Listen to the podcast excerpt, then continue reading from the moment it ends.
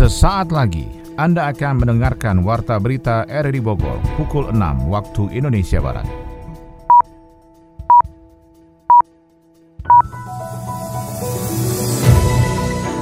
Selamat pagi dan salam jumpa. Kami kembali menyapa Anda dalam Warta Berita edisi hari ini Rabu 22 September 2021. Anda bisa mendengarkan siaran kami selain di RRI, Anda bisa dengarkan juga di aplikasi RRI Play pada perangkat smartphone Anda dan disiarkan juga Radio Tegak Beriman Kabupaten Bogor. Berita utama hari ini adalah kasus COVID-19 di Indonesia mengalami penurunan drastis. Polda Jawa Barat mengungkap kasus peredaran narkoba jenis tembakau yang didatangkan dari luar negeri. Saya Maulana Isnarto, inilah Warta Berita selengkapnya.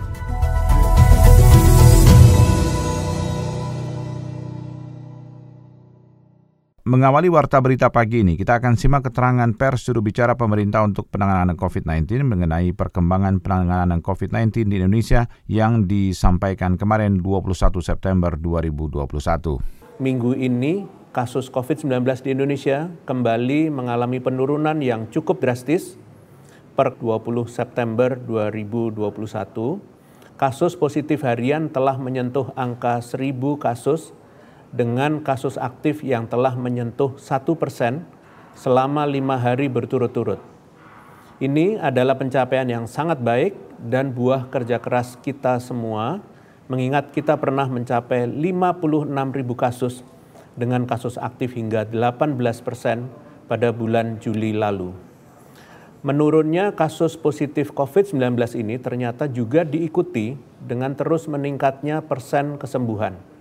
Hingga saat ini, kesembuhan telah mencapai lebih dari 95 persen dan kesembuhan harian yang terus meningkat beberapa kali lipat dari kasus positif setiap harinya.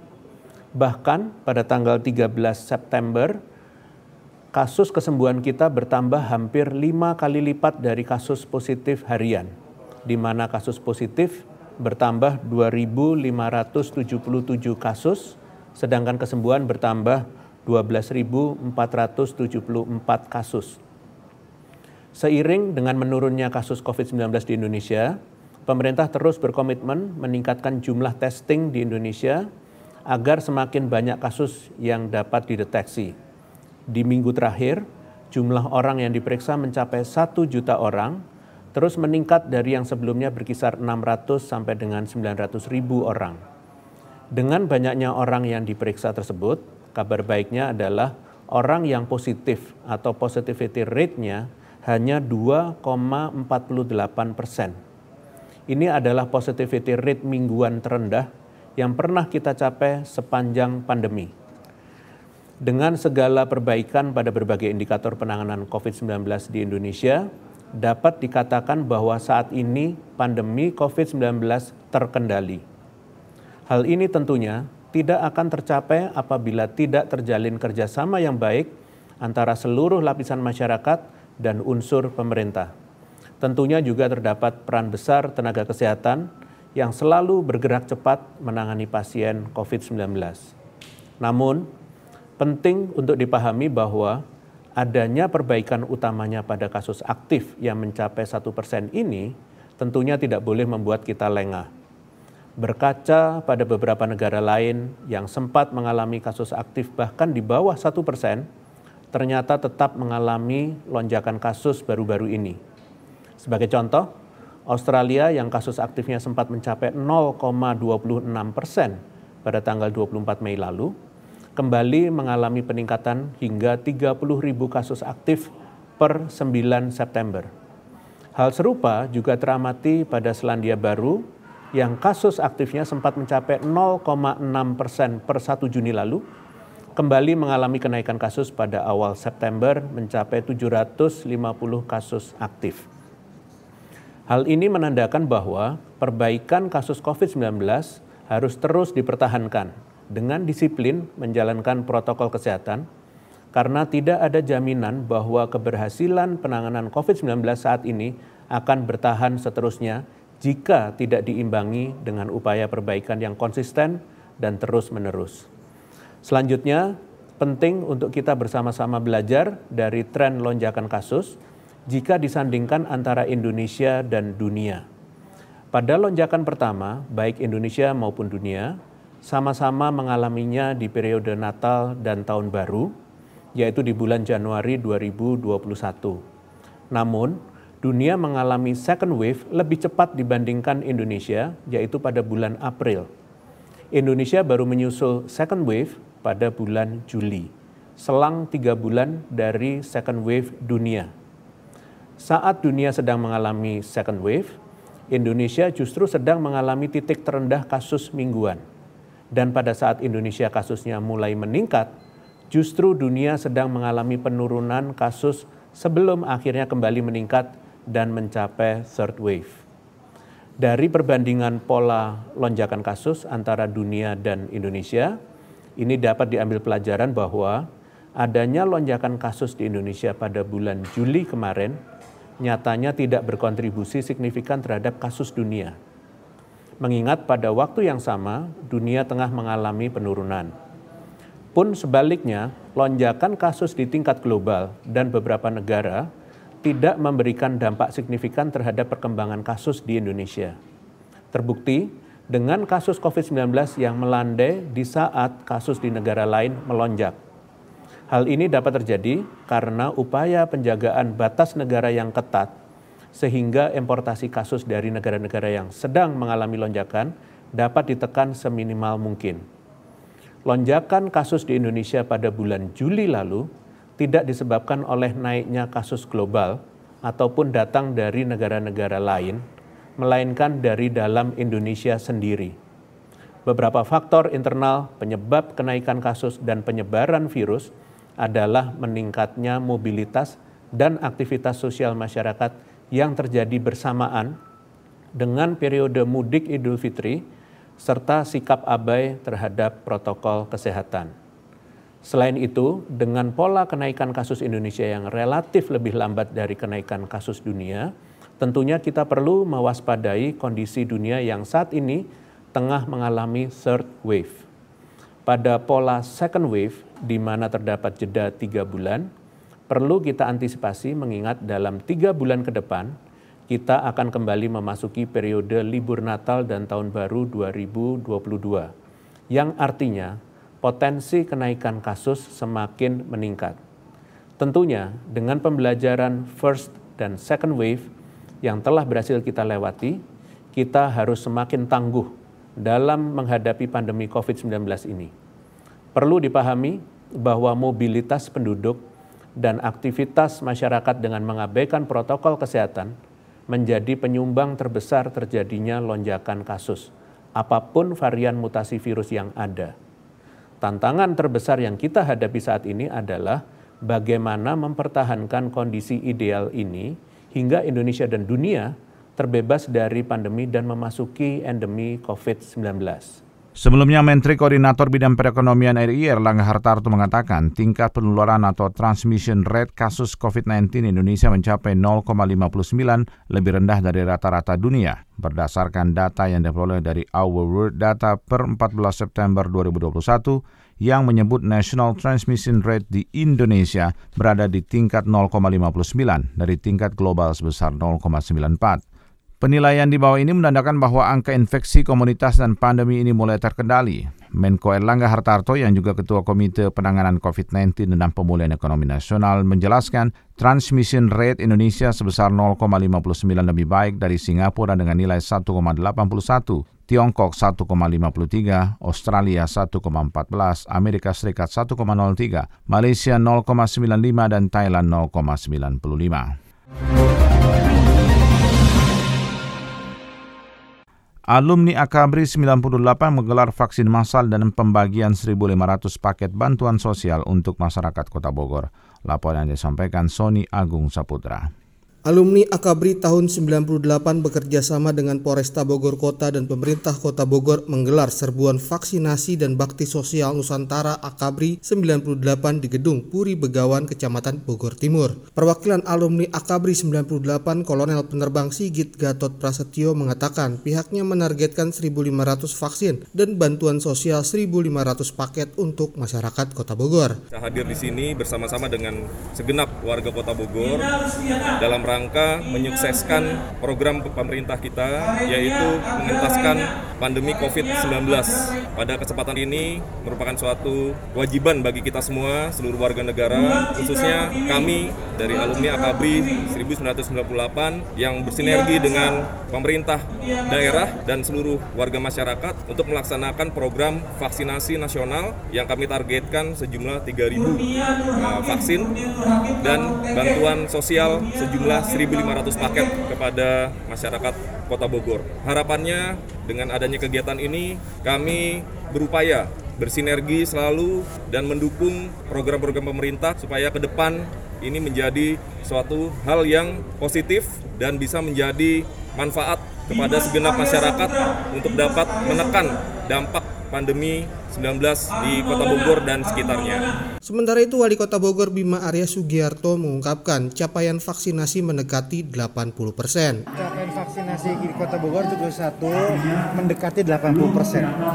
Ya, satu dua hari ini akan bisa 80 persen. Tetapi ternyata semakin sedikit target sisa, semakin tidak mudah. Kalau biasanya kita bisa di angka 20 ribu bahkan sampai 23 ribu per hari, sekarang agak menurun.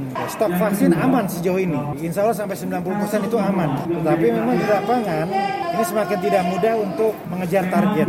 Makanya kemarin kita bentuk tim pemburu vaksin. Ada Polwan, Polwan, Pol PP, kemudian juga ada Suara ya. Nah, targetnya adalah memburu itu. Nah, sekarang jadi direktur vaksin bekerja sama mengambil data-data dari lapangan untuk kemudian dikejar langsung. Satgas COVID-19 terus bergerak mengoptimalkan vaksinasi ke masyarakat sehingga saat ini data menunjukkan capaian vaksin Kota Bogor saling menyusul dengan Bandung. Sementara itu pelaksanaan gebir vaksinasi tahap keempat di Kecamatan Cimanggis, Kota Depok belum mencapai sasaran target vaksinasi karena adanya stigma memilih vaksin dan banyaknya warga yang tidak lolos screening kesehatan. Laporannya disampaikan Adi Fajar Nugraha.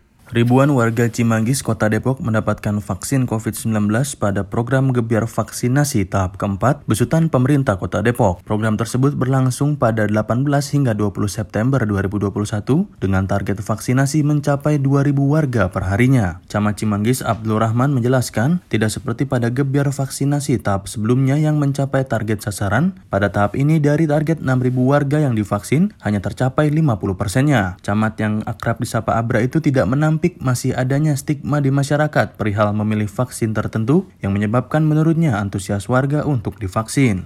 Kalau untuk biar pertama, waktu itu target 1000 sudah tercapai, hampir tercapai semua. Kita bahkan melebihi target. Waktu itu target 5 hari itu 5000, kita bisa mencapai angka 5900. Waktu itu faktor vaksin juga mungkin ya menjadi pertimbangan karena waktu itu vaksinnya bisa begitu Sinovac agak turun. Padahal kita sudah hmm. mensosialisasikan bahwa untuk mencapai tahap imunitik semua vaksin kan sama. Tapi kita tidak bisa menghindari ketika masyarakat masyarakat itu terus melakukan browsing kan terhadap jenis-jenis vaksin mereka membanding. Bukan hanya permasalahan jenis vaksin yang dipakai, Abra mengungkapkan tidak tercapainya sasaran target vaksin disebabkan masih kurangnya kesadaran masyarakat untuk divaksin. Selain itu, tidak sedikit juga warga yang tidak memenuhi syarat kesehatan saat screening yang menyebabkan warga tidak bisa divaksin dari sisi kesehatannya sendiri pada saat masih tingginya angka yang tidak lolos vaksin ketika screening. Misalkan kayak suhu, badan tinggi, ada penyakit, itu masih menjadi faktor juga. Misalkan yang datang seribu ternyata ada 50 orang yang tidak lolos screening karena tekanan darah tinggi kan nggak bisa, nggak bisa divaksin hari itu padahal dia sehat. Upaya lain yang dilakukan aparat kewilayahan Cimanggis untuk mengejar target vaksinasi ialah dengan rutin melakukan sosialisasi dan edukasi kepada warga melalui RT RW setempat. Pemkot Depok pun menargetkan sekitar 1,6 juta warganya telah divaksin untuk mempercepat herd immunity dalam ikhtiar melawan pandemi COVID-19 dan menyelamatkan ekonomi masyarakat. Siska! Eh, Dewi, lagi belanja juga? Iya nih, kan lagi pandemi kayak sekarang kan kita harus lebih ekstra jaga imun. Makanya belanja buah sama sayur buat keperluan di rumah. eh, ngomong-ngomong, kamu nggak pakai masker? Kan kemarin aku udah disuntik vaksin COVID, jadi aman lah. Gak usah pakai masker juga kan. Soalnya kalau pakai masker, aku nggak kelihatan cantik. Oh, hati-hati. Walau udah vaksin, tetap aja harus jaga protokol kesehatan. Nggak boleh lo diabein. Contohnya nih rekan kantor aku aja, udah divaksin, masih tetap terkena virus COVID. Wah, serem juga ya. Kalau gitu, aku beli masker dulu ya. Tetap harus pakai masker ya, mencuci tangan, dan menjaga jarak aman. Vaksin bukan obat untuk menyembuhkan COVID-19. Untuk itu, tetap patuhi protokol kesehatan, memakai masker, menjaga jarak, mencuci tangan, menjauhi kerumunan, dan mengurangi mobilitas. Beralih ke informasi lainnya soal Polda Jawa Barat mengungkap kasus peredaran narkoba jenis tembakau yang didatangkan dari luar negeri, salah satunya Tiongkok. Yofri Haryadi melaporkan. Kabupaten Bogor menjadi basis produsen narkoba jenis tembakau yang dicampur dengan zat kimia yang ternyata didatangkan dari luar negeri, salah satunya Cina. Hal tersebut terungkap dalam operasi pengembangan kasus peredaran tembakau sintetis dengan total barang bukti sebanyak 23 kg serta ganja seberat 2,7 kg. Pengungkapan dilakukan berawal dari DJ yang dibekuk petugas di Palmerah, Jakarta Selatan pada 17 September lalu yang akhirnya berkembang ke wilayah Kabupaten Bogor dan Bandung. Kabid Humas Polda Jabar Kombes Pol RD Adrimulan Caniago menjelaskan dari pelaku DJ diketahui memiliki akses jaringan untuk mendatangkan bahan narkoba kimia yang akan dicampurkan dengan produk tembakau. Narkoba sintetis didatangkan dari luar negeri berbentuk menyerupai mentega dan bumbu masakan sehingga luput dari pantauan petugas. Nah, jenis-jenis merek tembakau seperti rekan-rekan yang ketahui itu ada yang robusta namanya kopi dampit, kemudian ada Van Traveling, eh, Van, Van Traveler, kemudian ada mereknya Wiro Sableng, ya ada Grand Buto, ada Green Buto, banteng iblis sudah beredar di masyarakat.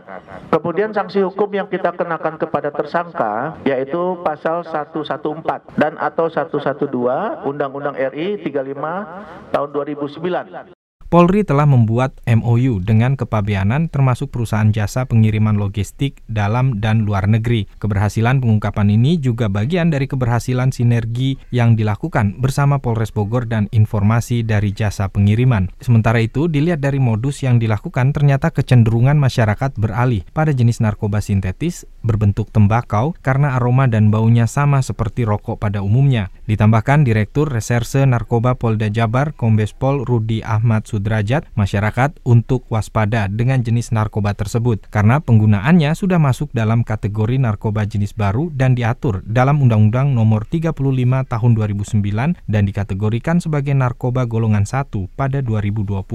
Pernah lihat nggak, Pres?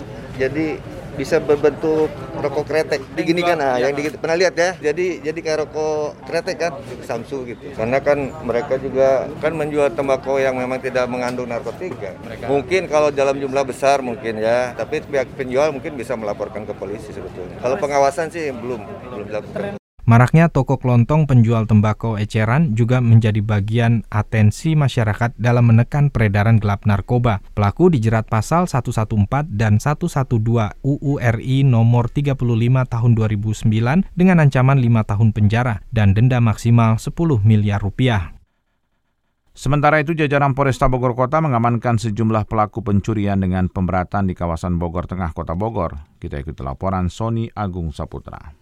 Aparat Satuan Reserse Kriminal Satreskrim Polresta Bogor Kota menangkap pelaku pencurian dengan pemberatan di kawasan Bogor Tengah, Kota Bogor. Pelaku curat yang kerap beroperasi secara berkelompok melakukan aksi jahatnya dengan menggunakan senjata tajam untuk mengancam korbannya menyerahkan harta berharganya. Kasat Reskrim Polresta Bogor Kota Kompol Doni Erwanto menjelaskan pihaknya kerap mendapatkan laporan masyarakat tentang adanya gangguan Kantipmas terutama saat akhir pekan. Setelah melakukan penyelidikan Satreskrim Polresta Bogor Kota menangkap tiga orang pelaku pencurian dengan pemberatan di kawasan Bogor Tengah yang kerap beraksi pada malam hari. Jelaskan bahwasanya kebetulan Polsek Bogor Tengah sudah melakukan ungkap kasus terkait dengan tindak pidana curas yang terjadi pada tanggal 8 Agustus 2021 sekitar pukul 04 dini hari ya, di mana korban sempat mengalami luka berat terutama karena dibacok kemudian setelah hasil penyelidikan dan juga hasil pengungkapan kasus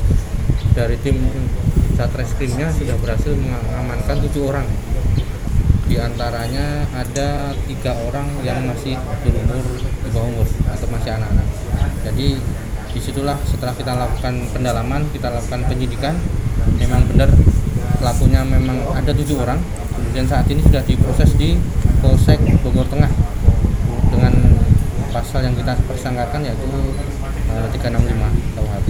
Penangkapan itu pun mendapat apresiasi dari pengusaha Kota Bogor yang tergabung dalam Kadin setempat. Wakil Ketua Kadin Kota Bogor Felix Marta menjelaskan dalam industri pariwisata, perhotelan, dan kuliner, kondisivitas Kantipmas harus terus terjaga terutama dari tindak pencurian sepeda motor dan perampokan. Salah satu faktor adanya kondusivitas itu kan di bidang aktivitas usaha dan ekonomi itu kan adalah keamanan nih. Faktor keamanan dan juga penegakan hukum. Nah, jadi kalau memang ada keberhasilan dari Polresta untuk bisa menekan itu, angka-angka kriminal juga termasuk pengungkapan kasus-kasus dan hal-hal lain lah yang sifatnya itu adalah penegakan hukum ya tentu pelaku usaha juga otomatis merasakan efek nyaman, aman gitu kan. Karena kan perniagaan itu salah satu kuncinya adalah aspek keamanan. Hingga saat ini Satres Satreskrim Polresta Bogor Kota masih memburu pelaku pencurian dengan pemberatan sepeda motor termasuk perampokan yang kerap terjadi di berbagai daerah Kota Bogor dengan tidak segan melukai korbannya menggunakan senjata tajam. Kasat Reskrim Polres Bogor AKP Handreas Ardia menemukan unsur dugaan korupsi dalam pengadaan baju batik guru se-Kabupaten Bogor senilai 1,9 miliar rupiah. Laporan yang disampaikan Yofri Haryadi. Kinerja Dinas Pendidikan Kabupaten Bogor menjadi sorotan dari berbagai pihak, khususnya DPRD setempat, dalam penyusunan program kerja untuk 2022, serta setelah bergulirnya laporan warga terkait penyimpangan anggaran pada pengadaan baju batik guru dengan nilai pagu 1,9 miliar rupiah. Laporan itu pun telah ditindaklanjuti Satreskrim Polres Bogor sejak bulan Juni lalu, saat Dinas Pendidikan Kabupaten Bogor dijabat oleh Entis Sutisna. Dari keterangan mantan Kadisdik Entis Sutisna yang kini menjabat sebagai Kepala Dinas Perindustrian dan Perdagangan Kabupaten Bogor, pengadaan baju batik adalah murni dari keinginan para guru sekabupaten Bogor. Dari 11.000 baju batik ada 8.000 potong batik dibeli oleh guru, dipotong dari tunjangannya. Batik dibayar bukan dari APBD Kabupaten Bogor. Batik diproduksi oleh perajin di Ciomas dan diselenggarakan secara sukarela oleh para guru SMP sekabupaten Bogor. Akan tetapi sorotan Kasat Reskrim Polres Bogor AKP Andreas Ardian menemukan adanya unsur dugaan korupsi dalam pengadaan tersebut. Kasat Reskrim Polres Bogor itu pun telah menyerahkan berkas hasil pemeriksaan para saksi dan data yang ada kepada BPK untuk diaudit. Terakhir itu sedang mengajukan audit di BPK Atau BPKP. Hmm. Kemarin tanda tangan untuk di BPKP lah. Kemudian rencana mau saya alihkan ke BPK lebih dekat kan dari sini ke sana. Kalau BPKP kan di Bandung, Bandung kan agak jauh di sana. Kalau menurut kami dengan anggaran pagu yang seperti itu harusnya dilakukan pengadaan ya atau lelang ya. Di dalam pasal 38 ayat 3 Perpres 12 2001 tentang pengadaan barang dan jasa di mana untuk penunjukan langsung itu nilai anggarannya maksimal 200 juta. Sedangkan untuk batik ini bukan anggarannya ada 1,9 lebih. Dari hasil audit BPK itulah polisi akan melakukan penyidikan berikutnya. AKP Handrias Ardian mengatakan untuk pengadaan barang secara tunjuk langsung hanya diperbolehkan maksimal 200 juta rupiah saja. Lebih dari itu harus melalui proses lelang. Sorotan tajam pun dilontarkan Ketua DPRD Kabupaten Bogor Rudi Susmanto dalam rapat internal DPRD dan SKPD Kabupaten Bogor.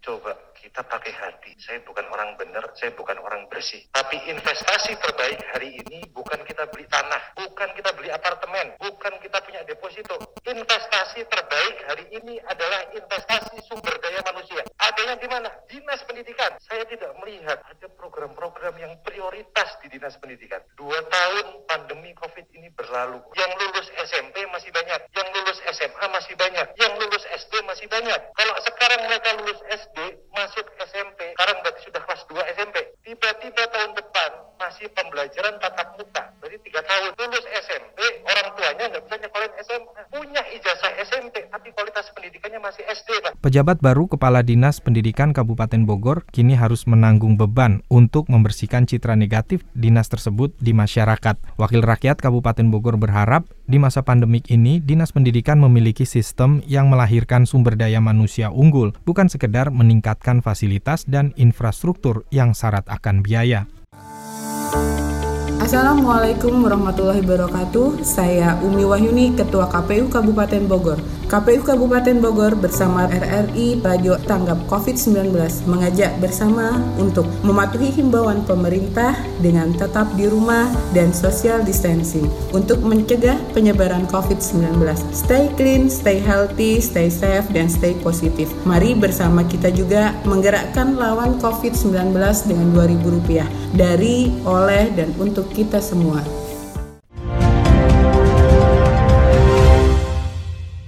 Kinerja perdagangan Indonesia menunjukkan pertumbuhan positif di tengah tren pemulihan pasca gelombang kedua pandemi COVID-19. Wakil Menteri Pertanian Hervik Hasnul Kolbi memastikan kenaikan harga jagung bukan disebabkan oleh minimnya stok karena pasokan saat ini terbilang cukup. Kita ikuti laporan Adi Fajar Nugraha.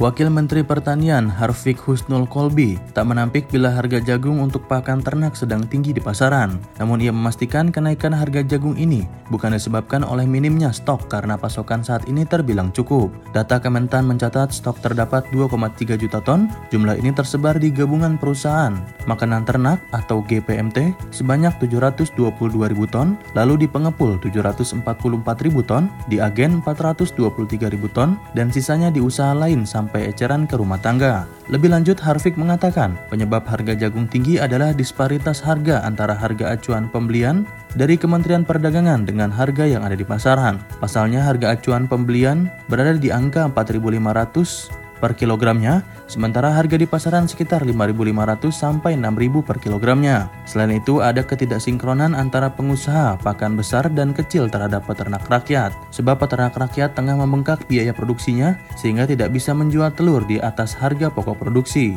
Atas kejadian harga jagung tinggi ini, Arifik mengatakan ia telah meminta jajaran Kementan untuk berkomunikasi dengan para pelaku usaha, termasuk industri pakan ternak, peternak, dan petani untuk menjaga kondusivitas di lapangan. Kinerja perdagangan Indonesia menunjukkan pertumbuhan positif di tengah tren pemulihan pasca gelombang kedua pandemi COVID-19. Hal itu ditandai dengan neraca perdagangan Agustus 2021 yang mencatatkan surplus sebesar 4,72 miliar US dollar. Menteri Perdagangan Muhammad Lutfi mengatakan nilai tersebut merupakan surplus neraca perdagangan tertinggi sejak tahun 2006. Surplus perdagangan tersebut terdiri atas surplus neraca non-migas sebesar 5,73 miliar US dollar dan defisit neraca migas sebesar 0,98 miliar US dollar.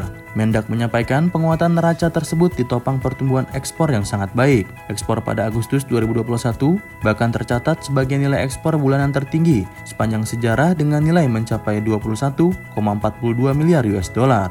Sementara itu secara kumulatif, surplus perdagangan selama Januari hingga Agustus 2021 mencapai 19,17 miliar US dollar. Surplus tersebut terdiri atas surplus neraca non migas sebesar 26,65 miliar US dollar dan defisit migas sebesar 7,48 miliar US dollar. Selain itu, Mendak juga mengungkapkan penguatan neraca perdagangan juga didukung pertumbuhan harga komoditas unggulan serta peningkatan permintaan.